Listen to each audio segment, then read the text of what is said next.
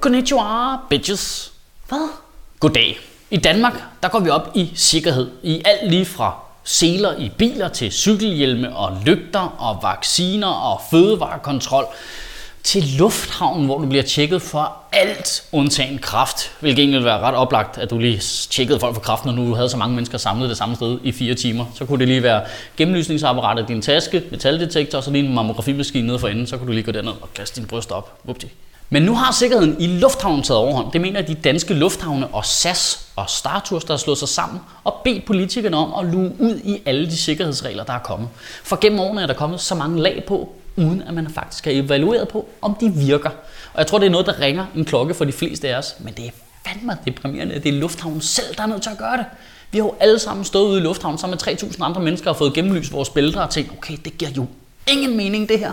Og det har alle politikerne også prøvet, men ingen har tur kritisere lufthavnssikkerheden.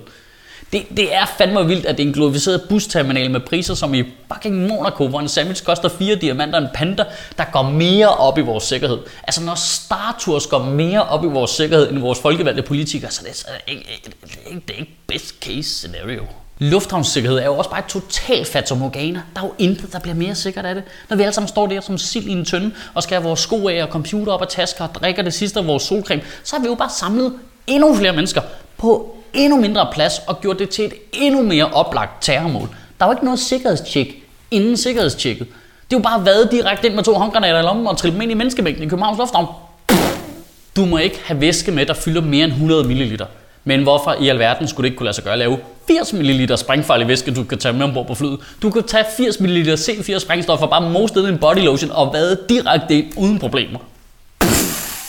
Eller hvad forhindrer nogen i at køre ud på Amager med en RPG, raketdrevet granat? Du ved sådan en...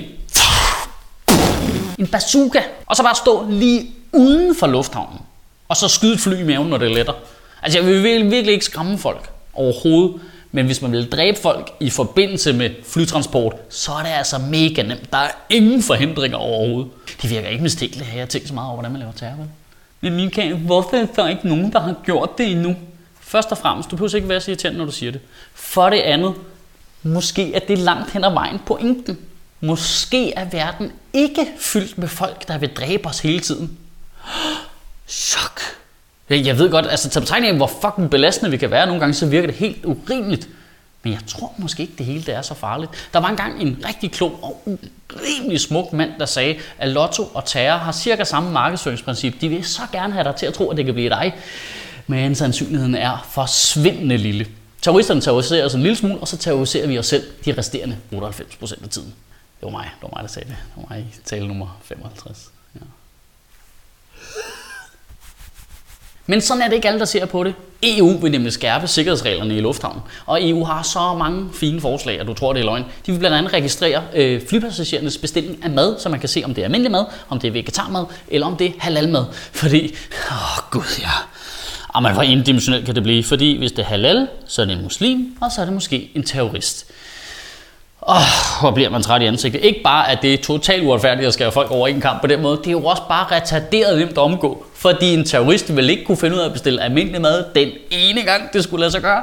Prøv hvis det er en selvmordsterrorist, og det er hans sidste måltid, så er der faktisk overvejende sandsynlighed for, at han lige tænker, prøv at jeg skal lige smage bacon, inden jeg dør. Hvis du vil registrere, hvem der er muslimer på en måde, så en femårig ikke kan omgå det med bind for øjnene, så er jeg ked af at sige det, så er du nødt til at tjekke, om folk er omskåret. Og så er det bare hen til glasburet, ind med passet og pikken. Og hvad fanden er det der med at kamuflere, at det er muslimer, man gerne vil profile ved at sige, jamen vi skriver også ned, hvis folk de er vegetarer, vi tjekker også vegetarer, så er det slet ikke noget med religion at gøre. Hvem er det, I tror, I nar? Hvorfor fanden skulle det være en sikkerhedsting, om folk de var vegetarer? Er det fordi, de fiser meget ind i flyet, eller, eller fordi Hitler var vegetar? Det er sådan, vi tænker nu. Muslimer, det er terrorister, alle vegetarer, det er Hitler. Fuck, det er åndssvagt. EU foreslår også, at man registrerer alle passagerers øh, kontooplysninger, når de køber med deres dankort. Det må jeg sige, det er jeg ret vild med. Jeg er ret vild med at lave så omfattende forslag, bare for at kamuflere, at de ikke allerede har fri tilgængelighed til alle vores informationer. Prøv at jeg har været inde på internettet. Jeg har købt mine flybilletter med dankort. Jeg gør mig ingen illusion om, at der ikke derfra og til evig tid medfølger spam-mails og mystiske reklamer på Facebook for flybilletter. Der er sjovt at passe på det, jeg lige har søgt sammen med, og at NSA ikke har opsnappet alle mine oplysninger og bare distribueret dem til liderlige petfolk, der bare sidder og køber porno for mine penge. I hvert fald umiddelbart den eneste forklaring, jeg lige har på de regninger, jeg får. Okay.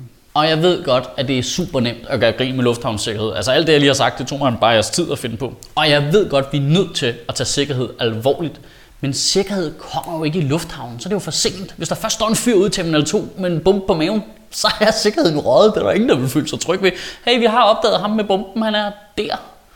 Sådan fungerer det jo ikke. Sikkerhed kommer jo af helt almindelig gammeldags politi og efterretningsarbejde, hvor folk de tjekker mistænkte og holder øje med folk, og sådan helt kedelige forbrydelsen langsomt. Folk med svætter, der spørger, hvor var du den 28. Men måske vigtigst af alt, så kommer sikkerhed jo faktisk af, at der ikke er nogen, der har lyst til at gøre dig fortræd. Jeg ved godt, det virker fuldstændig uoverskueligt, men den bedste måde at sikre, at vi ikke bliver ramt af terrorangreb på, det er at lade være med at opføre os som kæmpe store pikhoveder og invadere andre lande for benzin og pisse andres kulturer direkte i ganen og generelt bare udnytte resten af verden til vores egen vindings skyld.